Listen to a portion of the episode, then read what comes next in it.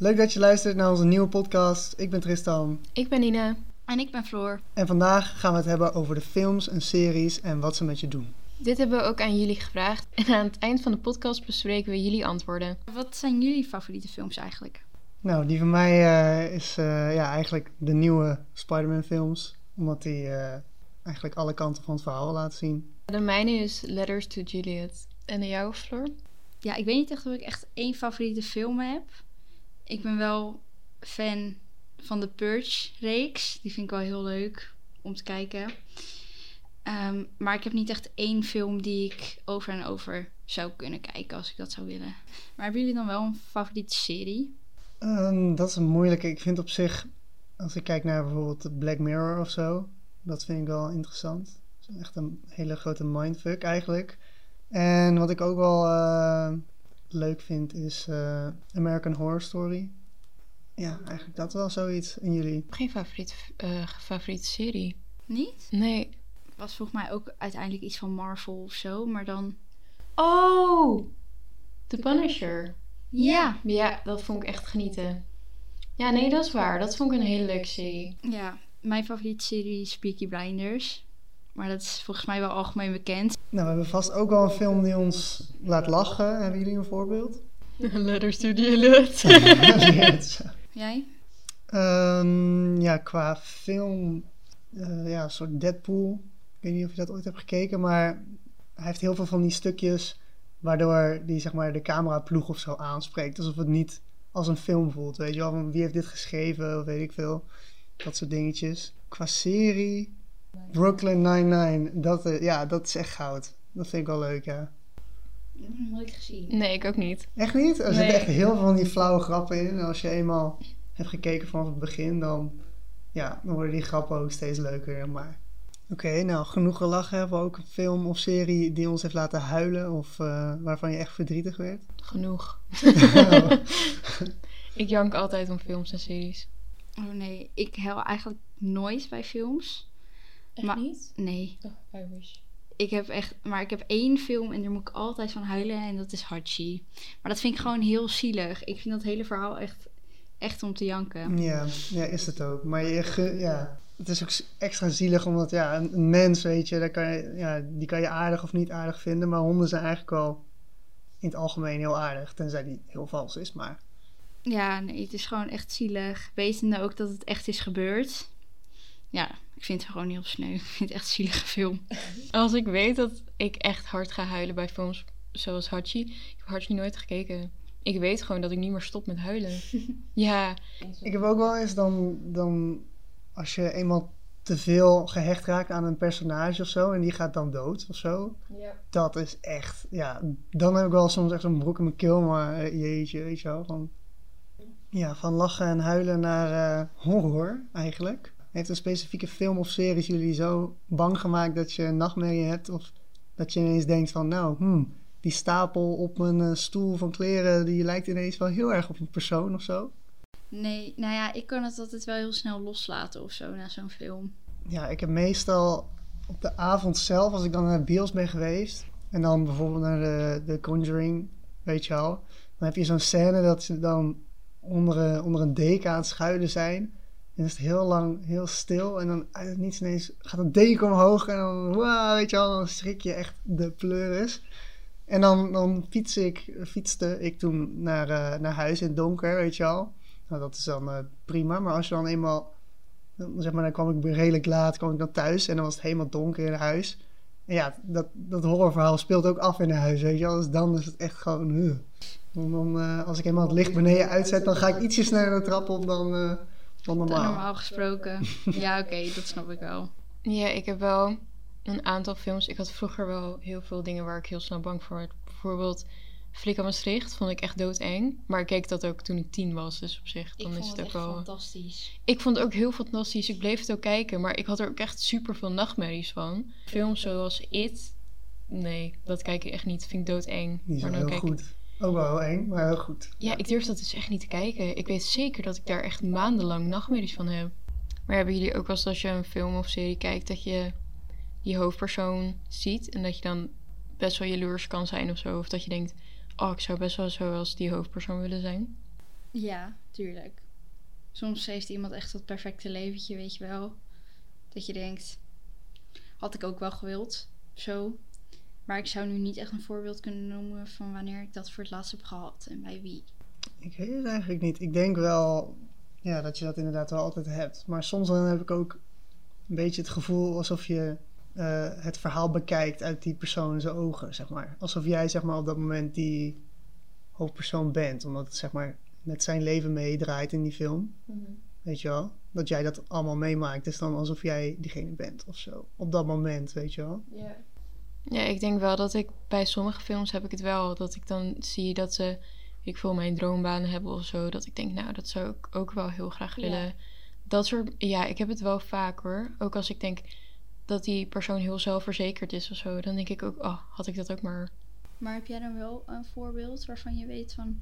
Oké, dat hoofdpersoon, daarop ben ik wel echt jaloers op. En jij Tristan? Mm, nee, buiten het eh superheldsje willen zijn eh, heb ik niet echt een, een voorbeeld, nee. Maar wat is dan echt jullie favoriete genre qua films en series? Ik denk wel een beetje actie slash superheld ding. Ik had laatst ook alle oude Batman dingetjes tot aan nu een beetje gekeken. Ben je een beetje Marvel-fan? Ja, ja, ik zal wel zeggen, op zich wel Marvel fan, maar ik heb ook niet alle Marvel films gekeken. Dus zo erg denk ik ook weer niet, denk ik. Ja, ik kijk best wel veel psychologische thrillers. Omdat ik het heel interessant vind hoe mensen denken. En hoe, de- hoe dat kan worden vervormd in films en series. Omdat je kan denken in films en series, kan je heel snel denken van... Oh, die persoon is best wel normaal of zo. Net als met You Get Me. Dat je in het begin niet verwacht dat zij Zo psycho is. zo psycho is, inderdaad. Dus dat soort, dat soort films vind ik altijd heel vet. Dat je dat zo kan doen. En sowieso thrillers. Want je ziet het niet zo snel aankomen. Bij romans kan je nog best wel vaak denken van... Nou, die gaan sowieso eh, dat en dat doen. Of die komen bij elkaar. Of weet je wel. Maar bij thrillers heb je... Bij echt goede thriller heb je dat niet. Ja, en ik heb liever dat ik gewoon... Zoals bij thrillers soms gewoon echt verrast word. Dat je echt denkt... Oké, dat had ik niet zien aankomen dan dat ik het al helemaal kan uitstippelen. Zoals we het net al erover hadden, dat je je heel erg kan inleven in een hoofdpersoon, ehm, is dit ook met een eh, doelbewuste beïnvloeding, genaamd eh, entertainment education. En dat betekent het verwerken van pro-sociale boodschappen in populaire media content. En eh, vaak gebeurt dit eh, door de hoofdpersoon dus ehm, ja, in jouw ogen het gewenste gedrag eh, te laten vertonen of een bepaald standpunt uit te spreken waar jij het mee eens bent. Eh, en ehm, ja, dat is dus de kracht eh, van het verhaal, wat je dus in een, eh, wat in een film wordt verteld. Ehm, en daardoor vindt er zogenaamde transportatie plaats, waardoor we ons verplaatsen in de hoofdpersoon en daardoor nemen we vaak ook de gedachten en soms zelfs het gedrag van deze persoon over. Ehm, dit is niet gewoon copy-paste, zeg maar. Eh, het is wel belangrijk dat je je kunt identificeren met het eh, hoofdpersoon. Vinden we het gedrag positief, eh, dan is de kans dus groter eh, dat we het gedrag overnemen. En motivatie is niet de enige belangrijke factor bij het overnemen van het gedrag van een hoofdpersoon. Het is ook belangrijk dat we het gevoel hebben dat we het zelf ook kunnen. Als we het gevoel hebben dat we ook de vaardigheden hebben om het gedrag uit te voeren, is de kans ook groter dat een beïnvloede boodschap via entertainment, education effectief is. Dus dat betekent ook inderdaad dat op het moment dat jij een hoofdpersoon hebt die ehm, ja, aan veel eisen in jouw leven voldoet, of zich heel erg inzet voor een bepaald standpunt waar je mee eens bent, dan kan je je ook sneller inleven. Ik weet ook nog dat ik een keer een film heb gezien over een ehm, man die een ehm, bepaalde persoonlijkheidsstoornis had. Dus die had verschillende mensen, zeg maar, in zijn hoofd leven. Ja, Split heette die film.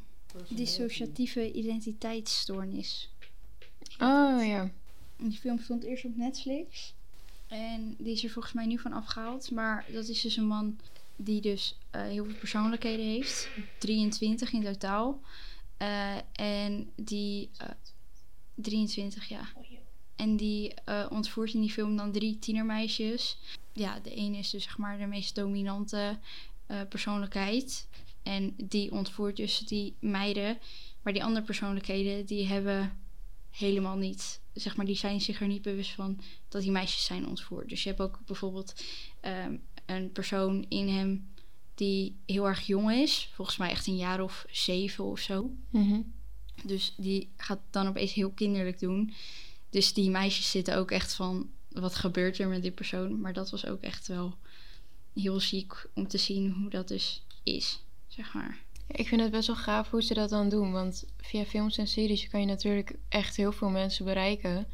En heel veel mensen weten niet wat voor- psychische stoornissen, wat dat allemaal met je kan doen. Want bijvoorbeeld dit, dat, dat hoor je niet heel vaak. Je hoort het wel op het nieuws, maar op het nieuws klinkt altijd alles heel ver weg. En als je dat dan in films, films of series ziet, dan heb je meestal wel meer begrip voor zo iemand dan dat je hebt als je het in, in de nieuws hoort.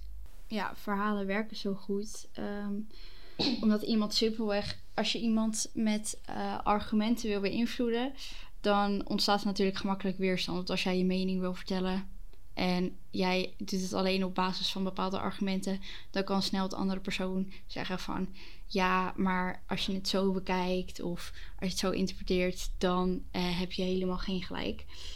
En ehm, via verhalen omzeil je eigenlijk een beetje die weerstand. Want mensen zullen dus niet twijfelen aan je argument, omdat, het verhaal, omdat je het verhaal zelf kan interpreteren op jouw manier. Natuurlijk als je de film kijkt. Eh, en ook hebben we minder snel in de gaten dat we worden beïnvloed. Want uiteindelijk word je natuurlijk met een film wel beïnvloed, bijvoorbeeld wie goed is en wie slecht. Zeker. Bijvoorbeeld. Ja, films en series kunnen eigenlijk beide kanten opwerken. Want ze kunnen je of juist meer begrip laten tonen voor personen die wat zwakker zijn. Of zwakker worden beschouwd in een film. Maar ze kunnen je ook juist zo manipuleren in films en series dat jij juist voor de persoon die wat minder goede intenties gaat.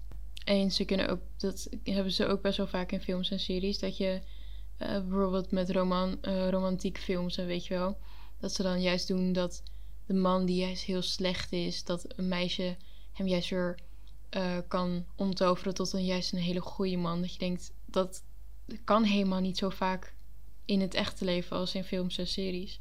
Nou, je hebt natuurlijk ook wel altijd in films een beetje van die stereotypes. Zeker. Het is vaak wel heel erg zwart-wit allemaal. Ja, Want in het echte leven heb je natuurlijk niet goede en slechte personen zo heel zwart-wit.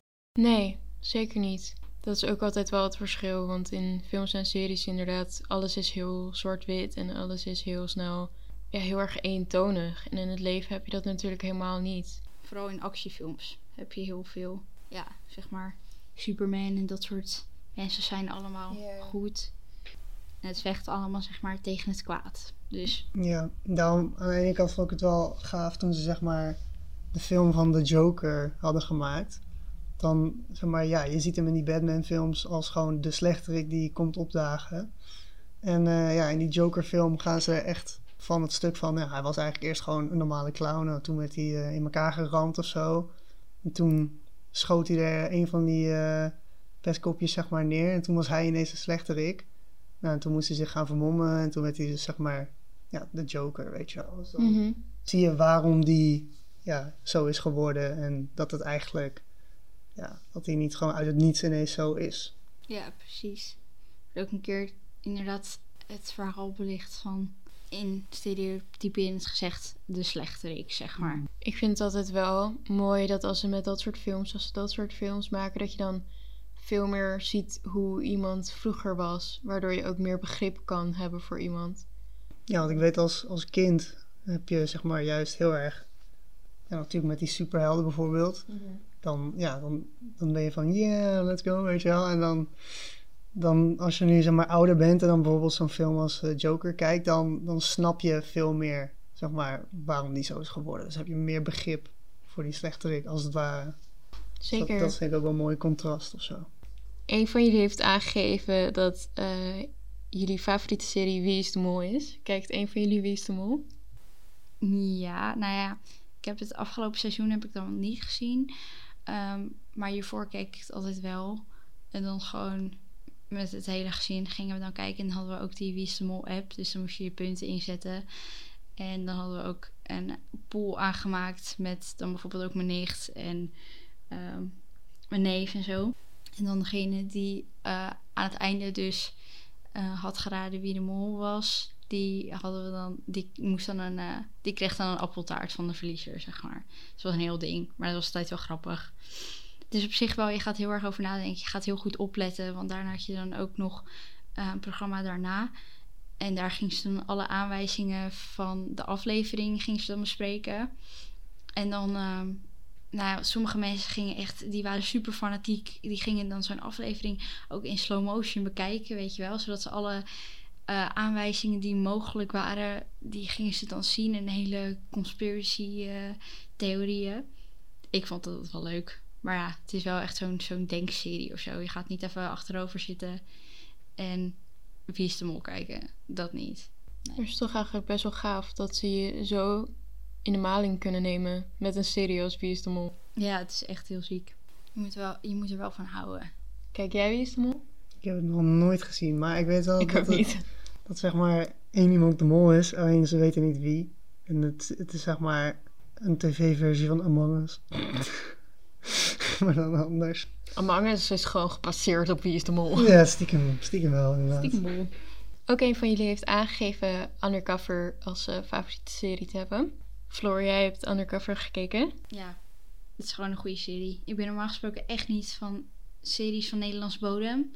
Want ik vind het eigenlijk allemaal vaak heel slecht. Ook Nederlandse films.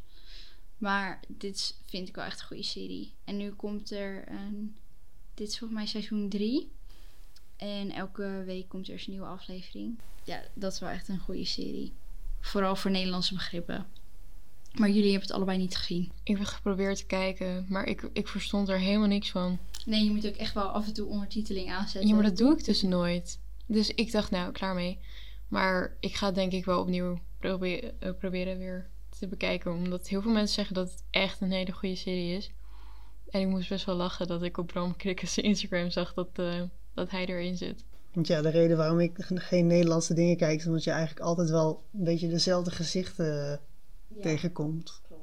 Dat is wel een heel erg ding inderdaad met Nederlandse series. Je hebt altijd wel diezelfde mensen. Dezelfde Ja. acteurs. En dan het, ding is dan, dan ben je bijvoorbeeld eh, gewend dat hij in, eh, weet ik veel, GTS zit of zo. En dan ineens zie je, Ja. zie je diegene met een, eh, weet ik veel, met een pistool of zo. Dat is een beetje gek. Ja, maar ik vind wel dat in Nederlandse series heel vaak speelt die personage dan ook dezelfde rol. Want er is, ik weet niet hoe die acteur heet, maar hij heeft echt van die felblauwe ogen. Nee, Nou, hij speelt altijd een soort bad guy, want hij speelde ook in Penosa volgens mij. Nee, maar heel vaak eh, spelen mensen die echt die slechte mensen, weet je wel, spelen. Die spelen altijd diezelfde rol. Ja, maar je hebt toch ook die, eh, die, die Nederlandse acteur die ook in al die Jumbo-reclames zit. Ja, die zit in Undercover. Ja, maar zeg maar dat bijvoorbeeld. Weet je, wel, Ik kan hem niet uit de Jumbo-reclame Nee, ik ook daar niet. is hij echt een Maar hij is ook de stem. Ja. Hij is ook de stem van Toei volgens mij. En hij ehm, speelde ook in Michiel de Ruiter of zo. Speelde die, Ja. die Michiel dat ik dacht, ik, ik kan jou nog steeds niet als die Jumbo-guy uit mijn hoofd halen. Daarom kijk ik dus geen Nederlandse dingen meer. Die Linda de Mol speelt heel vaak zo'n zo'n Vrouw, populair vrouwentypeje, weet je wel. een moeder, Ja, ook. Zij speelt altijd wel hetzelfde soort Gooise vrouwen. type. Gooise vrouwentype, inderdaad. Dat ik denk, wa- waarom? Nou, uiteindelijk had je in Flik met zicht zo'n heel agressief ventje, genaamd Tony. En die speelde uiteindelijk in een andere serie, maar echt zo'n zo'n goed mannetje, weet je wel? Dat ik echt denk, ik kan jou gewoon niet uit mijn hoofd halen als zo'n zo'n agressieve engert. Dat heb ik altijd wel snel met Nederlandse series, dat ik denk, ik kan jou gewoon niet uit mijn hoofd halen als die of die persoon. Aan iedereen die het heeft ingestuurd, bedankt voor het delen. En volgende week donderdag komt onze nieuwe podcast online. Maar heeft ons niet te missen tot de volgende podcast, want Mind Young Studio is ook actief op Instagram, YouTube en TikTok. Weet jij een onderwerp waar we het sowieso over moeten hebben? Stuur ons dan een DM op Instagram. Bedankt voor het luisteren en tot de volgende keer.